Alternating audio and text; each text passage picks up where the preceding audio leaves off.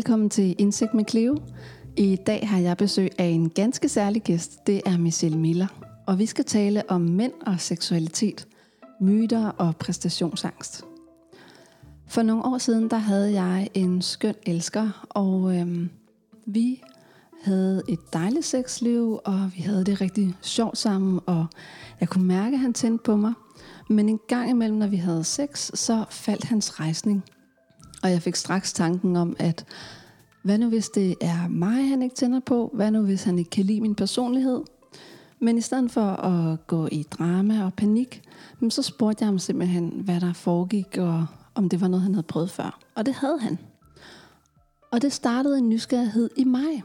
Så det endte med, at jeg valgte at skrive min hovedopgave i seksologi om rejsningsproblemer og seksuel præstationsangst. I dag der har jeg skrevet flere blogindlæg om det, og det ved jeg også, at Michelle har. Så det er en super dejlig øh, oplevelse at øh, have hende med i dag.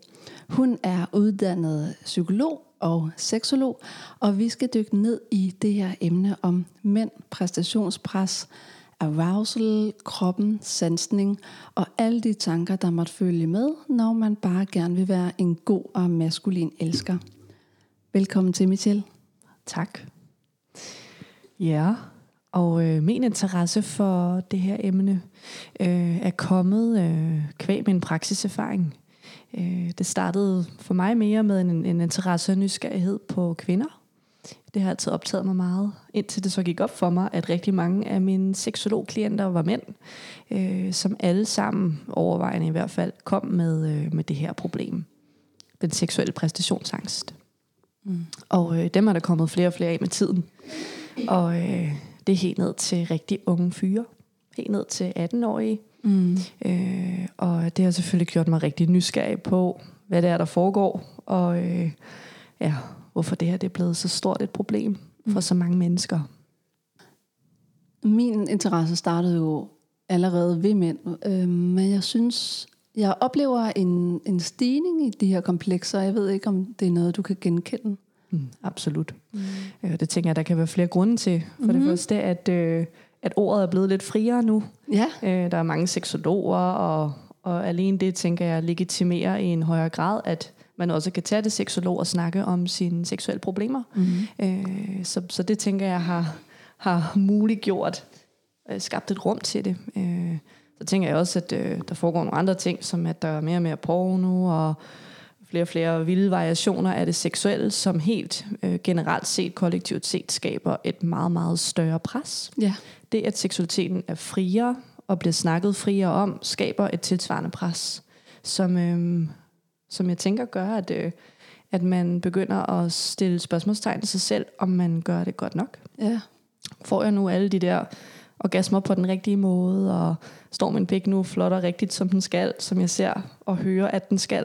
Og skal vi have analsex, bare fordi, at det er det, man ser rigtig, rigtig ofte i porno, og det, man snakker om? Ja, lige præcis. Så jeg tænker, at det er så dejligt, som det end er, at sex er blevet frit og åbent, og noget, vi snakker meget om, så er der kommet et tilsvarende kollektivt pres. Mm. Helt ja. enig. Og jeg oplever også for mange, at øh, der er en tæt kobling mellem sex og kærlighed. Mm. Og det må der jo gerne, fordi elskov er dejligt. Men jeg ser mange problemer starte ved, at man laver en, en fortolkning, der hedder, jamen hvis ikke vi har god sex, så, er vi jo, så virker vores parforhold ikke. Eller hvis ikke vi har sex så, så mange gange om ugen, så er der noget galt. Mm-hmm. Eller hvis ikke vi kan få det til at fungere, så er det måske, fordi han ikke elsker mig. Mm.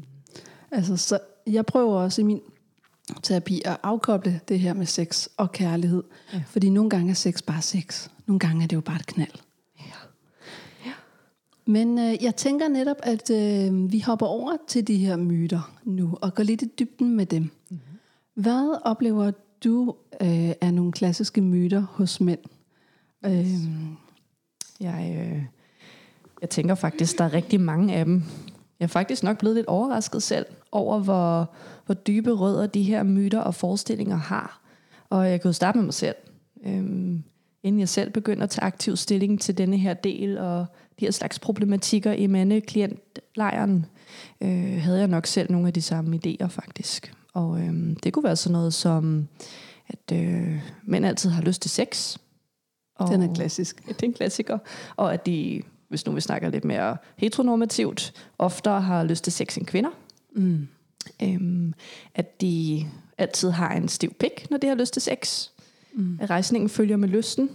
Og, øh, og det betyder, at så skal man altid have sex. Det at have lyst betyder, at nu skal vi have sex. Ja, ja men jeg er helt enig.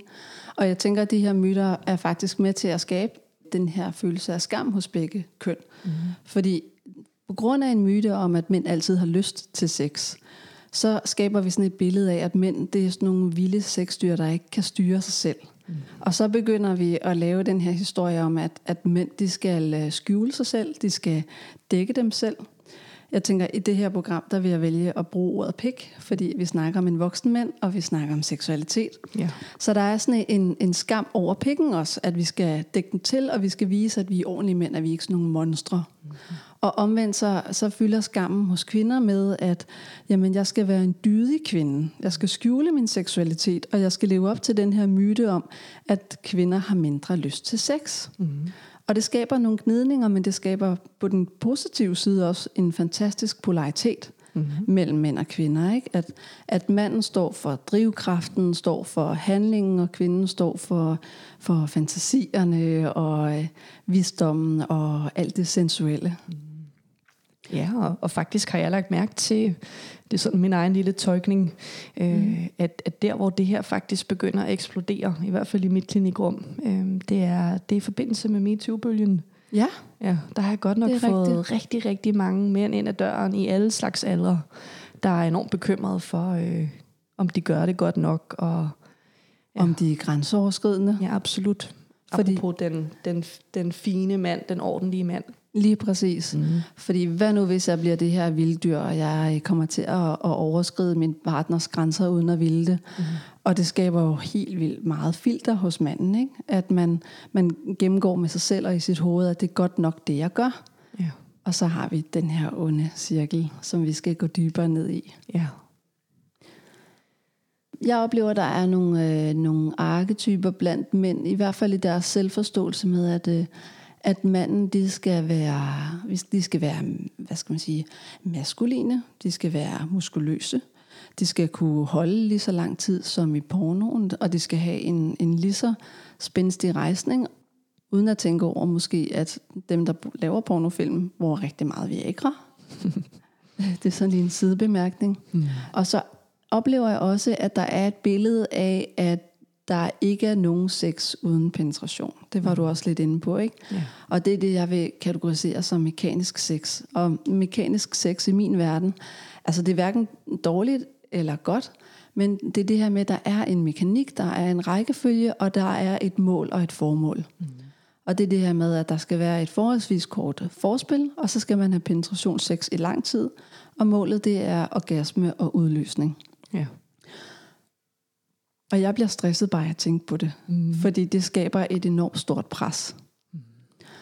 Øhm, så hvad er det for et pres, mange mænd opbygger hos sig selv, når de er ved at udvikle præstationsangst? Hvad er det, du oplever? Så vil jeg lige sparke ind bagefter med, hvad jeg oplever. Mm. Øhm, jeg tænker, jeg måske kan fortælle lidt om, hvad det er for en mekanisme, der går i gang ja. i det pres. Øh, så hvis vi nu bare tager, tager for gode varer, at de her myter findes, og at mange kan genkende dem, så kan vi jo bare starte der. Ja, lige præcis. Øh, det er der virkelig Tæt forbundne. Ja, lige præcis. Det er der virkelig, vil jeg da tænke, som, hvis jeg skulle sætte mig ind i det som kvinde, det er da godt nok noget af et pres. Mm. Så øh, oversat til sådan et slags tankemøller, en tankevirksomhed, så er det måske sådan noget med, nu står vi der i en slags kysse seksuel situation, og nu skal jeg til at levere et eller andet, og så begynder jeg måske at tvivle lidt på, om jeg kan det, og mm nu oh, nej, jeg, godt. Kan, ja. jeg kan høre, hun trækker vejret dybere. Det er ikke ja. godt et tegn. Oh, oh. Hun tager lidt hårdere fat. Hun kysser mere inderligt. Øh, nu begynder jeg at mærke efter nede i kroppen, om jeg kan mærke noget. Det kan jeg måske ikke. Nu går jeg lidt i panik. Det er ikke så godt det her. Jeg har prøvet det før. Sidste gang gik det skidt. Det tror jeg også, det gør nu. Åh oh, nej, åh oh, nej, åh oh, nej. Og hun blev så ked af det. Ja. og jeg følte mig umaskulin og uværdig, og det var simpelthen pinligt. Mm. Så, øh, så det tænker jeg er en del af mekanismen, der kan gå i gang, i hvert fald i tankerne. Mm. Og, øh, men mit gæt vil være, at når de tanker går i gang, så, øh, så slapper man sgu nok ikke af og Nej. hygger sig og er glad og munter og fyldt med selvsikkerhed. Så tænker jeg, at man, øh, man bliver lidt ængstelig og nervøs og fumler lidt rundt og bliver svedig. Øh, ja. Det minder meget om en eksamen. Ja, det hvis vi skal sådan sammenligne stemningen. Ja, det er sådan high, high performance. Noget, hvor man virkelig skal levere noget, som mange jo også kender fra, fra deres job. Og så skal man snakke til alle de store chefer og levere, levere noget stort og vigtigt. Mm. Det tænker jeg, sex i den her situation er. Ikke? Mm. Øh, og så bliver man ængstelig og nervøs og måske lidt ked af det, og så bliver man helt sikkert også frustreret. Frustration er sådan en følelse, jeg hører gå rigtig meget igen for mange af de mænd, jeg snakker med. Og øh, hvad sker der så i kroppen? Jamen, øh, den har det ikke alt for heldigt. Øh, rejsning er der i hvert fald ikke. Og det tænker jeg simpelthen er fordi, at når man har de slags tanker og følelser, så spænder man op i sine muskler, og pulsen stiger. Og, øh, og de kønshormoner, som normalt bliver udskilt, når man er ved at være lidt øh, opstemt øh, og er klar til noget seksuelt og noget nydelsesfuldt, de bliver simpelthen modarbejdet af stresshormonerne, som går i gang og simpelthen skaber en total arousal situation i kroppen. Så man er, man er faktisk alt andet end klar til sex lige der. Ja, lige præcis. Mm. Der tænker jeg, det er godt at sparke ind med nervesystemet mm. øhm, og det neuroaffektive system, fordi der har vi fat i det sympatiske nervesystem, mm. som jeg plejer at kalde det asympatiske nervesystem. Ikke? Fordi det er det vågne, det er klar til kamp, ja. men det er ved Gud ikke klar til afslappning, søvn og sex, som det parasympatiske nervesystem står for. Lige præcis. Så der, der er ikke nogen signaler i hjernen om, at øh, nu skal jeg lave en rejsning, og nu skal jeg få blod ned i svulmelæmerne. Tværtimod. Ja, yeah. og det er jo simpelthen så vigtigt at vide det her, og, og jeg kan se at rigtig mange af mine mandlige klienter bliver overrasket, når de får denne her kropslige forklaring at vide. Det legitimerer det også lidt på en anden måde, at når jeg, når jeg stresser i mine tanker og følelser, så stresser min krop, og ja. stress vinder over sex og nydelse. Lige præcis, fordi det er en overlevelsesmekanisme. Lige præcis. Og overlevelse trumfer sex. Mm. Så det er sådan, det er det, jeg oplever er indersidereaktionen. Mm. Det er simpelthen det, der foregår på indersiden. Hvis man øh, har haft øh, nogle rejsningsproblemer et par gange, er der så nogle fysiske ting, vi skal være opmærksom på? Er der noget, man skal have tjekket efter eller overvejet? Jeg tænker, uanset hvad, så er et lægebesøg altid et godt sted at starte. Yes. Vi ved øh, fra studier af præstationsangst og rejsningsproblemer og tidlig sædafgang og alle de her måder, det her nu kan vise sig, at det sjældent er noget fysiologisk, der er til grund for, at man har det sådan. Det er primært noget psykologisk, men det er altid smart lige at få det tjekket alligevel. Særligt hvis man er i, i risikogruppen, øh, har haft problemer i underlivet før, øh, har livsstilsrelaterede problemer, har mm. hjertekarsygdomme, diabetes, andre ting, som vi ved kan influere på underlivsmekanikken. Øh, så et lægebesøg vil være et godt sted at starte. Ja. Øh, ja. Især hvis man er over 50. Fordi der kan forhøjet prostata og, og hjertekarsygdommen være aktuelt. Lige præcis. Og så tænker jeg også de normale vaner i vores liv. Mm. Altså, hvis man er ryger, eller hvis man drikker ofte, mm-hmm. så er der en direkte sammenhæng ned til rejsningsproblemer. Mm-hmm. Man siger jo, at, øh, at omkring 45 procent af de mænd, som, som har drukket alkohol, øh, før de har sex, oplever ofte rejsningsproblemer. Og det siger jeg også bare for at normalisere det lidt. Mm. Øh, og det hænger også tæt sammen med rygning, fordi at det påvirker vores øh, arterier og vores blodgennemstrømning i kroppen. Ja. Så har man ofte rejsningsproblemer, så bør man kigge på, om, om det er til at overskue og skære ned på de to også. Ja, lige præcis. Og hvis ens præstationsangst kommer mere til udtryk i form af, at man kommer hurtigt, eller nærmest mm. er kommet ind noget overhovedet kommet i gang, så, så tænker jeg, at man kan vide sig ret sikker på, at det højst sandsynligt er noget psykologisk. Ja. Og man kan jo faktisk prøve det af ved også at onanere, og se, hvad der, er, der sker der. Kan jeg holde rejsningen? Kommer jeg øh, på et eller, andet, et eller andet tidsrum, som jeg synes føles godt og rart? Øh, og er det anderledes, når jeg er sammen med en partner? Det mm. tænker jeg er en god indikation på, at det nok er noget mere psykologisk. Ja, lige præcis. Mm. Har jeg pludselig travlt, fordi jeg endelig er sammen med den her partner, og jeg skal præstere, og ja. fylder det helt vildt meget i mine tanker. Mm. Så når vi taler om mekanismen, så øh, tænker jeg, at det er godt at tage fat i det emne, der hedder angst. Mm. Og lige give det et øjebliks opmærksomhed. Øhm, fordi der er jo en, en sammenhæng mellem krop, tanker, adfærd og følelser. Det var det, vi lige var inde på. Mm. Og, øh, og jeg, når jeg har klienter inde med præstationsangst, så introducerer jeg den kognitive diamant. Den mm. bruger du også, så vidt jeg husker, ikke Michelle? Ja. ja. Har du lyst til at fortælle lidt om den? Ja. Øh, jeg gav vel egentlig nogle meget gode sådan ja. eksempler på inderside, det jeg kalder indersidereaktionen i den kognitive diamant, som øh, kort fortalt handler om, at tanker og følelser og det kropslige liv hænger sammen og påvirker hinanden. Mm. Øh, nogle mener så, at det hele starter i tanken, og derfra forplanter sig og manifesterer sig i resten. Jeg er nok mere til det sådan multimodellen, hvor at det hele kan påvirke hinanden. Ja. Så det kan starte med, at du at pulsen stiger, og du er anspændt, og musklerne klemmer sig sammen. Øh, det kan forplante sig til følelser af usikkerhed og uro og skam og irritation, og det kan sætte en kaskade af tankeaktiviteter i gang. Mm. Som eksempel. Ja, lige præcis. Jeg, jeg plejer også at sige til mine klienter, at, at øh, den kognitive diamant, eller de situationer, vi er i i nuet, nu og her, øh, hvor vi altid har tanker, følelser, krop og adfærd med, mm Jamen, det svarer lidt til et regnskab, der skal stemme overens, eller en ligning, der skal stemme på begge sider. Ikke? Ja. Så hvis man først har negative, øh, nedvurderende tanker om sig selv, mm. selvfølgelig vil det give nogle, nogle følelser af tristhed eller frustration. Mm. Selvfølgelig vil kroppen blive påvirket af det. Ja. Og måske vil vi endda også trække øh, vejret hurtigere og mere overfladisk, og vores puls vil så stige, hvilket gør, at man faktisk mærker, at de her tanker føles sande føles ja. ægte. Ja. Og det er der, vi bliver grebet af angsten. Fordi selvom der ikke er nogen bjørn foran os, mm. så føles det i vores krop, som om der er en bjørn foran os. Og ergo må vores tanker være sande. Mm. Lige præcis. Og så er det klart, hvis, hvis det er sådan, det er på indersiden. Hvis jeg står og tænker, åh nej, fuck, panik, nu skal jeg, og jeg kan ikke, og bliver ængstelig, og min krop er i uro, så begynder jeg nok også at opføre mig derefter. Lige præcis. Og det er jo noget med at, at fumle rundt, sådan noget fumleri. Og man står der, og nu er kondomet ruttet af, fordi nu er penge blevet for lille. Og, og bevidsthed om fumleriet. Ja, og bevidsthed om fumleriet. Jeg bliver rød i hovedet, jeg sveder helt vildt meget. Jeg fumler rundt og har glemt, hvor klitoris sidder henne på min partner. Og, øh, og, og, går, og går muligvis i stå. Måske begynder jeg at flygte lidt, mm. og sådan gemmer mig, og synes simpelthen, det er bare for pinligt. Eller lave noget andet laver altså, noget andet. Ja. Det, det her med at skifte fokus, at ej, hun må endelig ikke opdage, at der er noget galt. Mm.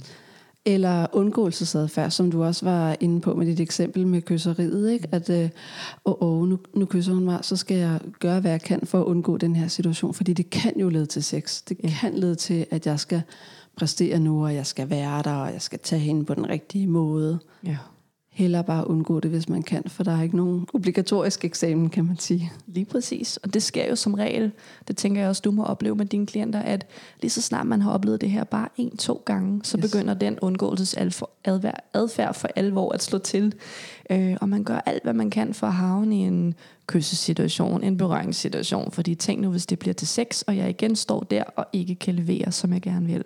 Mm, ja, lige præcis. Som ringe i vandet spreder ja. det sig. Ja, og jeg oplever også øh, sikkerhedsadfærd. Altså, de her metatanker går i gang. Mm. Fordi at hvis jeg nu tænker på min pik og en rejsning, så kan jeg måske tjekke, om der kommer en rejsning. Eller hvis jeg nu tænker på de kvinder, jeg synes er lækre, uden at røre mig selv, kan jeg så påvirke min rejsning med mine tanker. Mm. Og, øh, og det skete der så ikke noget ved, måske. Eller også så skete der noget ved det. Og så har vi lavet nogle regler for, øh, hvad der er sandt for os. Så hvis jeg nu tænker på det på en bestemt måde, og jeg tænker på, at jeg tænker på det, så kan det være, at der kommer en rejsning. Men i virkeligheden, så ophober det så meget angst, at øh, man skaber en bevidsthed om, at tankemøller omkring den her angst og omkring rejsningen, er en, et endnu større turn-off. Mm. Og så laver man en ny regel, ja. som hedder, hvis jeg tænker på, om jeg kan få rejsning, så får jeg ikke rejsning. Mm. Jeg må for alt i verden ikke tænke på at få rejsning. Og hvis man først tænker på, hvad man ikke må tænke på, så tænker man ikke på andet. Lige præcis. Ja. Lige præcis. Det er en magnetisk effekt. Ja. ja. Det, så, så på den måde ser jeg, at der er en tæt sammenhæng mellem, øh, mellem tanker og adfærd. Mm. Fordi hvis vi først har lavet den regel, så begynder man at lave super meget micromanaging på ens egen krop og ens egne tanker. Ja. Og det rimer bare ikke på sex og nydelse. Jeg tænker i hvert fald, at man bliver overkontrolleret, ja. overopmærksom og super anspændt. Lige præcis. Kroppen er en stor anspændt ja. muskel. Så der er rigtig meget pres, og der er rigtig meget stress, når vi taler om præstationsangst og, og præstationspres. Mm. Og vi har talt om mekanismerne, der foregår. Vi har talt om den kognitive diamant. Og så var du lige inde på, at den første gang, det her sker med, at rejsningen kan falde, kan være meget sigende for, hvordan man senere i forløbet oplever det. Mm-hmm. Min erfaring er, at de mænd, som oplever at have haft øh, rejsningsproblemer øh, før eller under sex, og deres partner tog det meget, øh, hvad skal man sige, personligt, mm. de udvikler endnu et lag af angst og pres. Fordi at om de får rejsning eller ej, om de får sex eller ej, det betyder egentlig ikke så meget. Men om partneren bliver ked af det, om de får en konflikt, om hun tager det personligt, om hun føler, at øh, hun er grim, det er det, der virkelig trigger en, en ekstra lag af angst. Ja. Er det ikke også din oplevelse, eller hvordan ser du det? Absolut. Måske kunne vi sige det så simpelt som, at hvis man oplever seksuel præstationsangst og har en partner, som reagerer uhjælpsomt, mm. er lige med trækker sig, tager det personligt, øh, laver drama, bliver ked af det, trækker sig for alt kontakt, mm. øh, så hjælper det på ingen måder. Nej. Øhm, så derfor spiller partneren en potentiel positiv eller negativ rolle her. Øh, så jo, jo mere man kan blive i det og slappe sig selv af og sige, men hold da fest, der foregår der godt nok lige lidt, mm. lidt, lidt stress og uro derover. Det, det tænker jeg må have noget med, med det der over at gøre. Øh, og måske endda kan spørge ind til det, eller ja. give et kys og give et kram, og lige sådan få lidt ro på. Øh, ligesom man skulle trøste et andet menneske i en anden situation. Det vil jeg tænke var en noget mere hjælpsom opførsel. Yes. Så hvis vi skal sige noget til partneren derude, mm. mand eller kvinde, øh, så handler det om at turde tale om det på en normaliserende måde. Mm. Øh, og med det mener jeg wow, jeg kan, jeg kan mærke, der er en uro. Er du, er du okay? Mm-hmm. Altså, øh, få pilen over på partneren og spørg ind til ham mm-hmm. med omsorg. Ja. Yeah. Og hvis man er lidt sådan ordforskrækket og ikke lige er så stærk i det på det mm. tidspunkt, så kan man også bare give et kram. Lige sådan, okay, det var da ikke lige så sjovt det her. Nu får du sgu lige en krammer. Ja. Øh, jeg har i hvert fald oplevet, at nogle mænd også kan blive sådan lidt overfølsomme over for, at, øh, at det ikke må blive for omsorgsfuldt heller. Ja. For så bliver man sådan en lille dreng, der til med ikke kunne få rejsning, og nu skal mor trøste en. Ja, lige præcis. Mm. Og, øh, og så starter der måske også en ny negativ tanke med, ja. hvad nu hvis det sker, så skal vi absolut tale om det. Det overgår ja. jeg ikke. Så måske kunne en krammer være ja, et godt sted at, at starte. Ja. ja, eller ligge og putte, mm. eller jeg tænker også, at mange mænd oplever, at deres rejsning falder lige før selve penetrationen, altså der, hvor pikken går ind i skeden, eller under penetrationen. Mm. Og der tænker jeg, at jamen, så lad os fortsætte med, hvad vi er i gang med. Ja. Selvom den ikke er stiv. Ja. Det kan godt være, at den ikke kan bevæge sig ind og ud. Det kan være, at I skal holde om hinanden, mens han er inde i dig. Mm. Det kan også bare være, at I skal lege med den og og, og se den og rumme den, og ikke give den alt den skam, som vi lige har talt om. Ja, og måske også bare lade den være slap. Ja. Måske kunne vi lige sådan udvide øh, repertoireet lidt her og Præcis. sige, det skulle da også lækkert at kysse på en slap pik. Ja. Det kan da faktisk være meget dejligt, så får man ikke kæbespændinger og, og ondt i halsen. Og, og for manden, der vil det også være nogle anderledes sensationer, altså det føles ja. anderledes, og mange mænd, de kan godt lide at få berørt pikken, når den er slap, fordi den er mere eller mindre følsom, alt efter hvem man er og hvilken pik man har. Ja, og så kan man jo også hoppe forbi pikzonen og ja. få gang i den øvrige krop. Lige præcis. Ja. Få den kysset og krammet og anerkendt. Mm. Vores pointe er nok, når jeg skal kode det ned, det er, at øh, prøv på ikke at stoppe alt intimitet og seksuel kontakt, bare fordi pikken stopper. Ja. Fordi der har vi nederlaget hos manden, at okay, det her det er det, det ultimative bevis på, at øh, nu stoppede det igen, nu gik det galt. Yes. Så kære partner, prøv ikke at tage det personligt. Prøv ikke at afvise din partner. Prøv ikke at forkert gøre ham. Mm. Og prøv at blive i det, kæle med ham, være med ham, uden at gå over i de personlige negative tanker, der hedder, han tænder ikke på mig, han kan ikke lide mig. Mm. Altså indrømmet alle de tanker, jeg selv havde Jamen ja. med min elsker. Yes. Prøv i stedet for at være i det og normalisere det for dig selv. Mm. Hvis vi skal vende den om til kvinderne, så er det ja. jo heller ikke altid, at vi er pivvåde, når vi har sex. Nej. Der er nogle dage, hvor at, øh, det gør ondt, og hvor vi er tørre end andre. Men der er vi bare så heldige, at det er mere usynligt end for manden. Ikke? Ja. Så, så tænk lige over, hvad vil jeg selv have lyst til? Altså, hvad vil jeg selv have ja. brug for i det en lignende situation? Jeg vil da nok ikke have brug for at blive efterladt alene Nej. i min skam. Efter jeg er blevet pinligt berørt, eller, ja. eller blive anklaget for, at man ikke elsker partneren, eller ikke tænder på partneren. Ja. Jeg tror, at vi har skabt en rigtig god grobund for at forstå, hvad præstationsangst, rejsningsproblemer og myterne handler om. Nu kunne jeg godt tænke mig lige at, at trække gardinerne fra og nyde solen, for nu skal vi tale om løsningerne. Fordi der er jo håb. Der er ting, man kan gøre. Ja. Vil du lægge ud, Michelle? Det vil jeg gerne. Jeg synes, det aller, aller første, vi lige skal kigge på, det er den kropslige mestring. Mm. For vi snakker jo lige nu under en overskrift, der handler om angst og om skam. Og, øh, og det rigtig fede, synes jeg, ved særligt angstarbejdet, er, at der er nogle rigtig, rigtig gode, nemme, lavpraktiske måder at få adgang til sin krop, lige som på det tidspunkt er i uro. Så det allerførste, jeg vil foreslå, det er, at, øh, at du lærer at trække vejret på en dyb måde. Helt ned i maven, helt ned i bunden af lungerne. Du slipper opspændet, som højst sandsynligt er der på det tidspunkt, i de nedre mavemuskler, og tillader indåndingen at bevæge sig helt ned i bunden. Hvis du er rigtig god, så kan du, og visuelt, så kan du plante sådan et indre billede af, at du kan trække vejret hele vejen ned i pikken faktisk. Så du trækker vejret hele vejen ned i råden.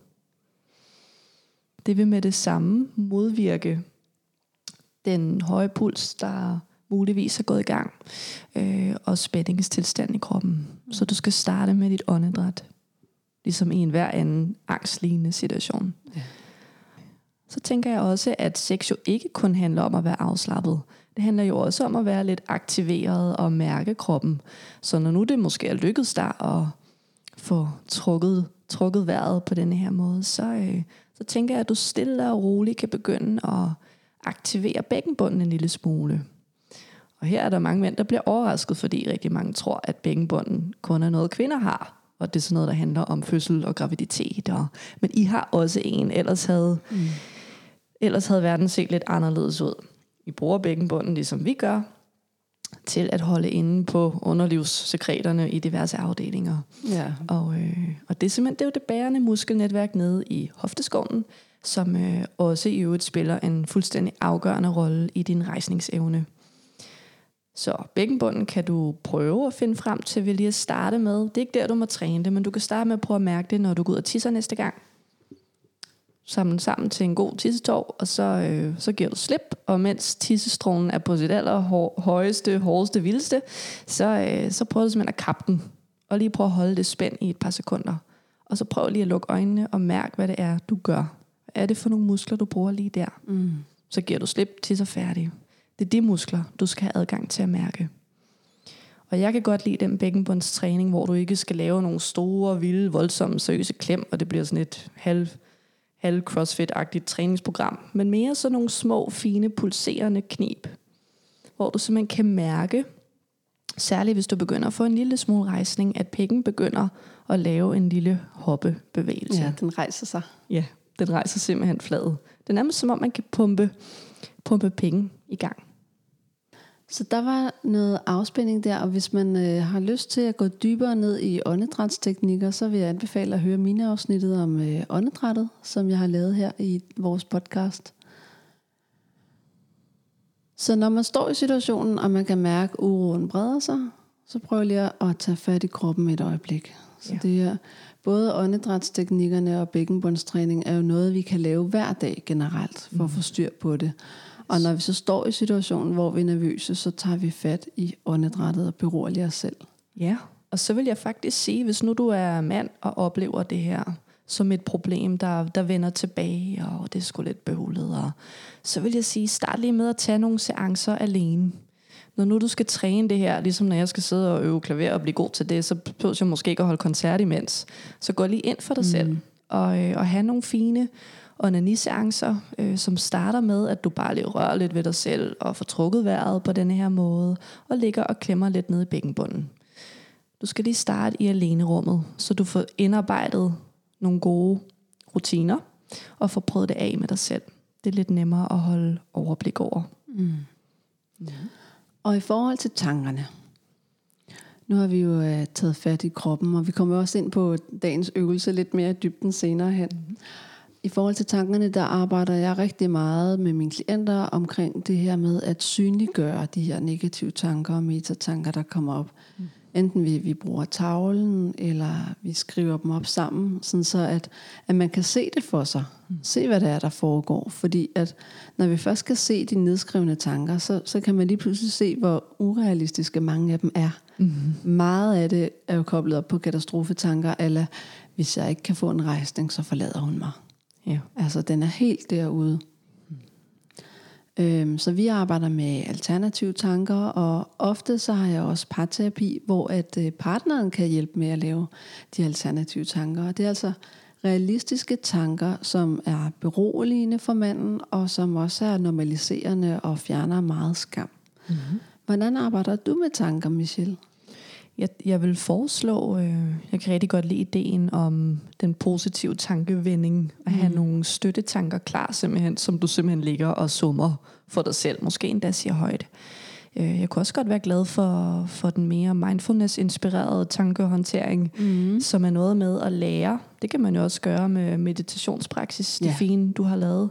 Øh, og, og lære at se de tanker og følelsestilstande som sådan nogle sæbebobler, eller blade på et vand, øh, blade på, på en flod, der sådan siver afsted, som noget, der er der, men som noget, der, der også kan gives slip på. Ja. Så du ikke hæfter dig fast og bliver fixeret der. Øh, du kan ikke styre, at de er der, øh, men du kan prøve at arbejde med at acceptere deres tilstedeværelse og slippe dem igen. Mm. Det vil jeg tænke kunne være nyttigt her. Ja, meget. At kunne lade dem springe som sæbebobler i luften. Ja, fordi selvom det føles som sande, når vi står i situationen og mærker nervøsiteten, så skal vi alligevel have styrken til at rette fokus hen på det, der er vigtigt. Lige præcis. Jeg sammenligner det også lidt med et øh, øh, running sushi-bånd. Altså sådan er, er vores tanker, ikke? Mm. At der glider alle mulige retter forbi os, og mm. der er måske en tredjedel, som vi rigtig godt kan lide. Mm. Så er der en tredjedel, som er lidt kedelig, og så er der en tredjedel, som vi ikke kan finde på at putte i munden. Mm. Og, og sådan er det også med de her tanker. Men det ironiske er, at vi sidder og, og vælger dem ud, vi ikke kan lide, og mm. spiser dem, når vi er i angsten. Mm.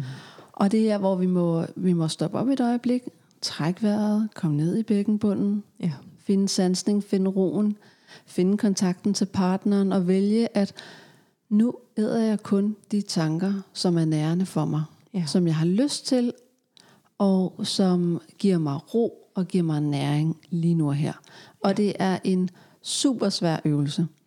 Mm. Men problemet er, at hvis vi stikker hånden ind i sushibåndet og prøver at holde de her tanker nede og prøver at fortrænge dem, jamen så vil det ophobe sig, og det vil skabe et kaos. Ikke? Mm. Man kan lige forestille sig alle de her skåle vælte ind over hinanden.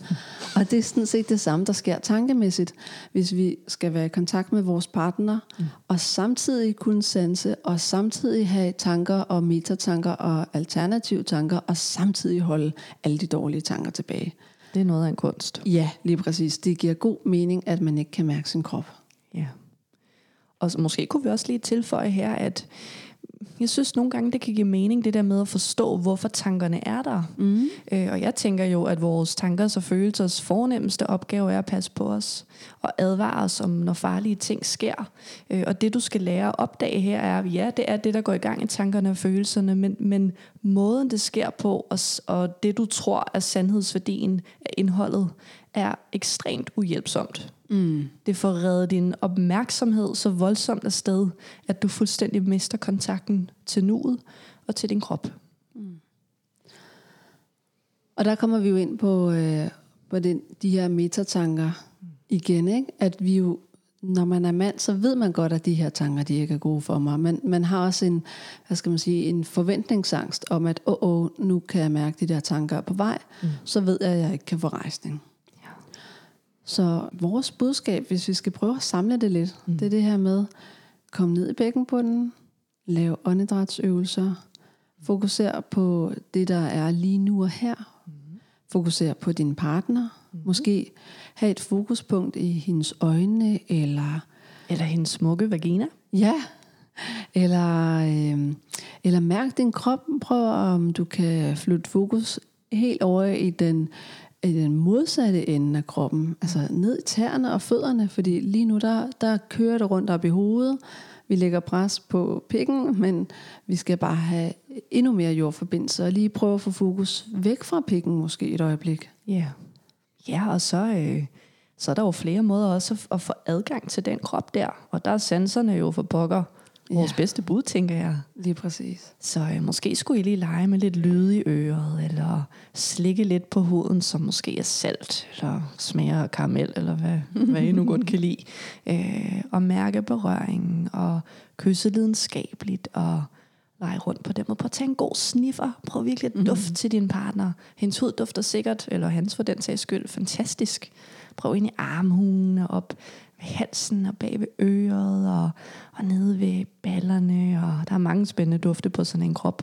Ja, og jeg tænker, at bag enhver krise er der også en ny viden og en blomstring. Mm-hmm. Og, og her ligger der rigtig meget, hvad skal man sige, en, en adgang til eksperimenter. Mm. En adgang til, at nu skal vi tænke anderledes. Hvis vi ikke kan gå direkte til penetration sex, så skal vi finde på nogle andre måder at være sammen på også. Ja. Så vi udvikler også vores repertoire for sansning. Ja. Og så er der altså noget med, det som jeg kan forestille mig, og som jeg også hører, at der sker rigtig ofte i de situationer, det er, at det der tempoet bliver febrilsk og, ja. og hurtigt. Så du kan faktisk også alene bare med din koncentration og vilje sænke tempoet. Mm. Du kan gøre dig langsom, bevæge dig langsomt, kysse langsomt, undersøge langsomt, røre dig selv langsomt.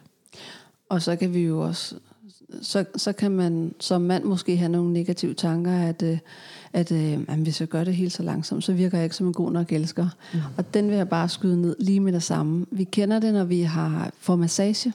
Mm. Hvis bevægelserne er meget hurtige, så er det ikke særlig rart at få massage. Øh, jeg plejer at sige, at gør det dobbelt så langsomt, som du plejer, mm. og så halver tempoet en gang til. Yes. Og det er præcis det samme her. Hvis vi klæder hinanden af, jo langsommere vi kan gøre det, jo mere nærværende. Fordi så får sansningen og hele kroppen lov til at følge med. Ja.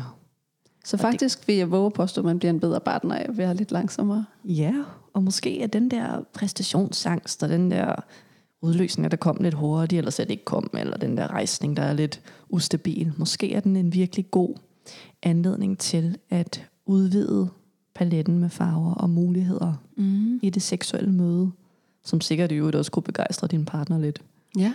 Ja, ja fordi så vender, vi, så vender den vi den lidt på hovedet, ikke? at det, som jeg før øh, benævnte som mekanisk sex, eller pornosex, vi øh, tager lige rækkefølgen om, og i stedet for at have fokus på orgasmer, og på målet, og på rejsningen, så har vi i stedet for fokus på nydelsen. Mm.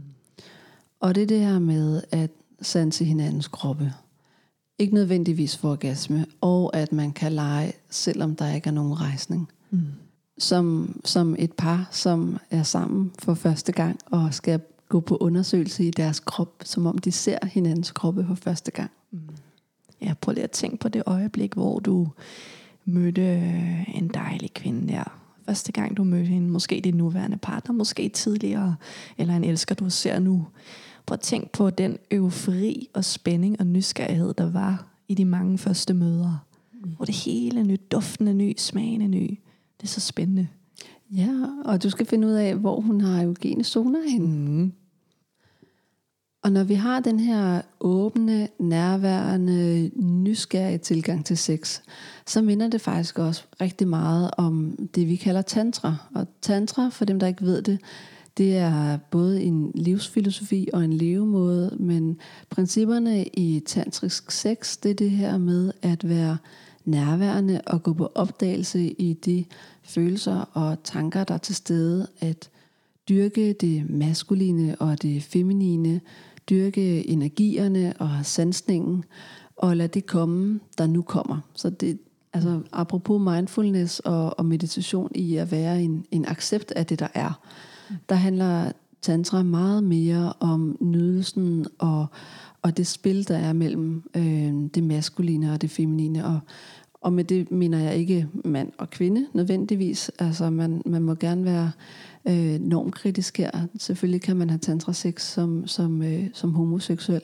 Men energierne i det maskuline og det feminine, drivet og, og det at være den, den 100% modtagende eller den 100% givende øh, den vekselvirkning, der er. Og fokus her, det er på nydelse. Mm. Og orgasme er trukket ud af ligningen. I øh. hvert fald, øh, hvis man kigger for, på den mandlige del, øh, og der igen oplever jeg nogle mænd, der kan blive lidt overrasket her, når de får at vide, at deres udløsning og orgasme ikke er det samme. Ja, lige præcis. Øh, så orgasmen, tænker jeg, den lækre energi, der bliver aktiveret i det centrale nervesystem inde i din krop, det er noget andet end den sædafgang, den udløsning, der finder sted nede i mm. en pik. Øhm, og, øh, og det er jo særligt den, tænker jeg, man også kan lege med i det tantriske. Det er lige meget om, med den udløsning lige nu. Mm. Og måske skal du ikke bruge den der stive pik til særlig meget lige nu. Lige præcis. Vi udforsker nydelsen i hele kroppen. Ja. Mm. Ja, og det er også det, man kalder for peak-orgasm inden for tantra. Ikke? At øh, den er både hos øh, mænd og hos kvinder. Hos mænd er det er det sædergang udløsning, og hos kvinder er det klitorisorgasmen. Mm. Og når de er taget ud af ligningen, så, så åbner det også for en masse kreativitet. Mm. Nu tænker jeg, at vi skal til dagens øvelse.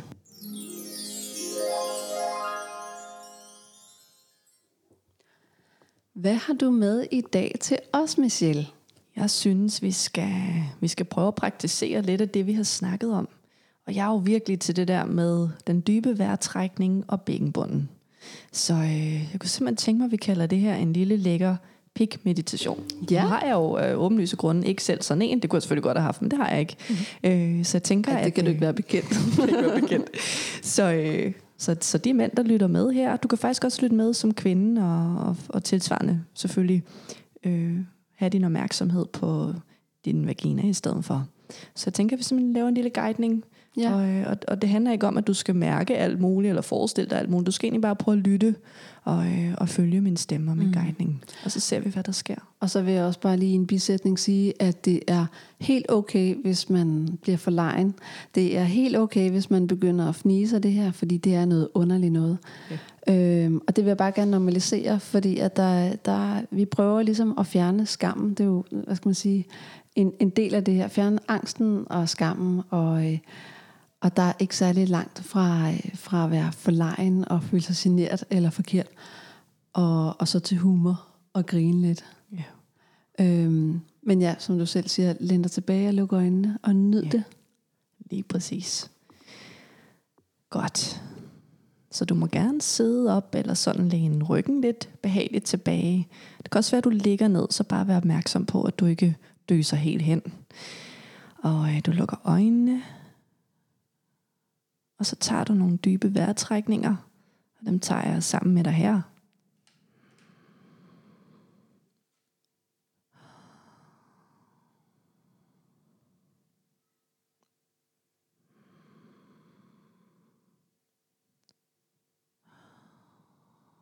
Og se om du virkelig kan slappe af.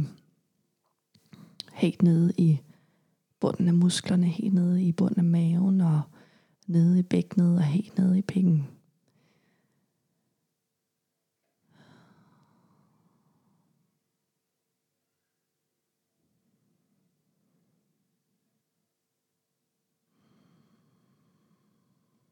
Så du bliver bare ved med at trække vejret på den her måde.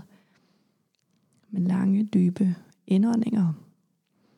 Imens du frembringer et indre billede af din pæk, af din bund, din rod. Måske kan den få en farve, en temperatur, en form. Og så prøver du at trække vejret hele vejen ned til den.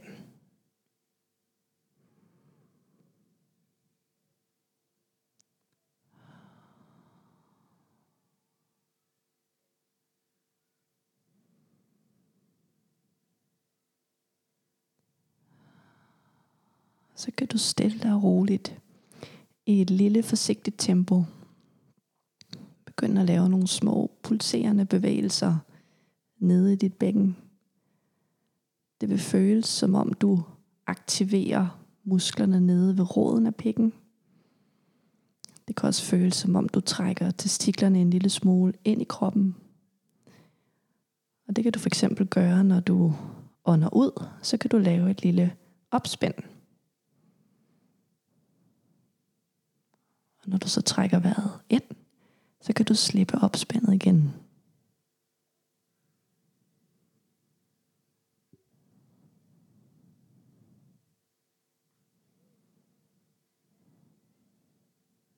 Og hvis det bliver for teknisk, så kan du finde din egen rytme.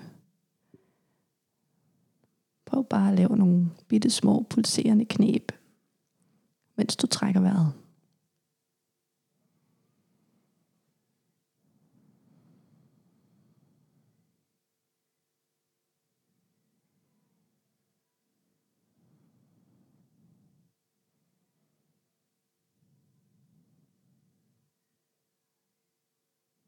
Prøv at lægge mærke til, hvad der er, der sker.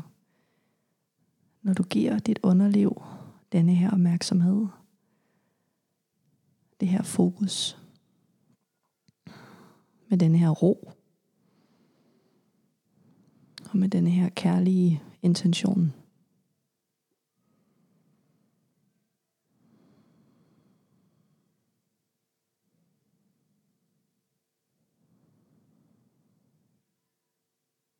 Og mens du gør det her, kan du enten lytte til min stemme, eller danne dig dine egne sætninger i hovedet, og finde en måde at øh, lovprise din dejlige pik.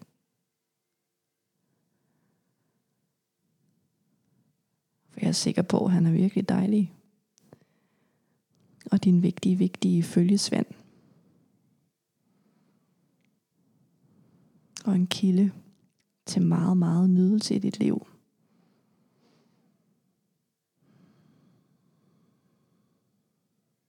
Se om du kan sende ham lidt gode vibrationer.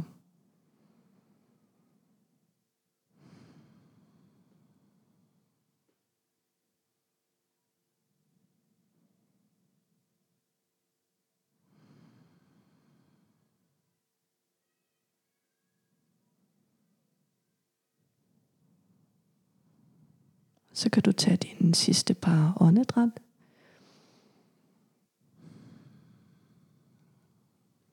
Og åbne øjnene igen.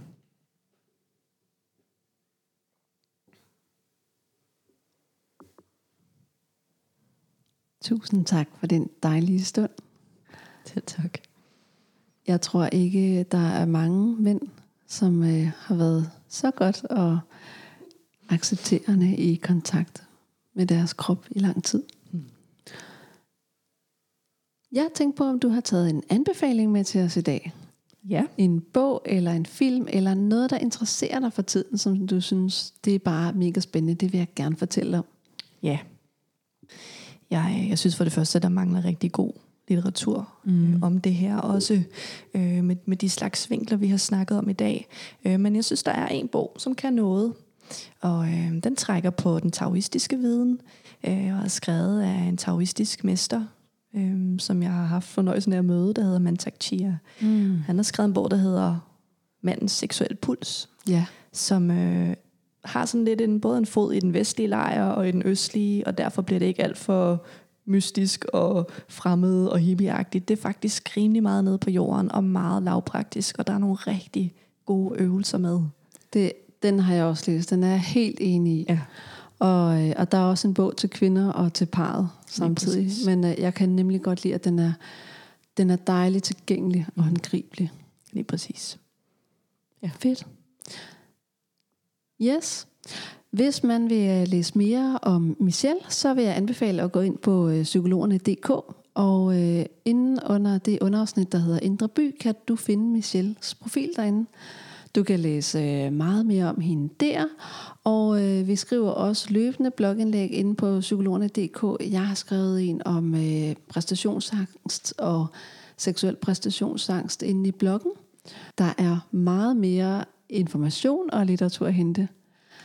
Og så skal jeg også huske at sige, hvis du vil hjælpe vores podcast, så må du meget gerne efterlade fem stjerner, fordi det gør, at der er flere, der kan opdage den. Hvis du gerne vil holde dig opdateret med de tavler, modeller og billeder, øh, og hvordan Michelle egentlig ser ud, så må man øh, meget gerne følge vores Instagram-profil, den hedder Indsigt med Cleo, og vores Facebook-side, den hedder også Indsigt med Cleo. Og her ligger vi øh, billeder og opdateringer op løbende. Tusind tak, fordi du kom, Michelle. Tak, fordi jeg måtte være med. Det har været en øh, fantastisk hyggelig, øh, fordomsbekæmpende samtale med... Øh, jeg, hvor mange gange tror du, vi har sagt pik i det her program? Jeg tror, vi er oppe på 42 gange. Ja, det tror jeg også. det har i hvert fald skilt sig meget ud fra, fra de andre afsnit, og det er det, som er så øh, befriende og normaliserende. Og, øh, og som en sidste øh, lille ord, så kunne jeg godt tænke mig at slå et slag for normaliseringen. Øh, og slå et slag for, at, øh, at mænd også gerne må tale med deres venner mm. om de præstationspres, de har, bare for at erfare, at alle deres kammerater har prøvet i hvert fald en gang ikke at kunne få en rejsning, hvor de gerne ville. Yes. Snak sammen. Tal sammen, for guds skyld. Vi skal have, øh, vi skal have fældet nogle... Øh, nogle øh, stigma omkring det her. Mm. Kan du have en rigtig, rigtig dejlig dag. Vi høres med øh, næste uge. Vi sender hver tirsdag. Hej. thank you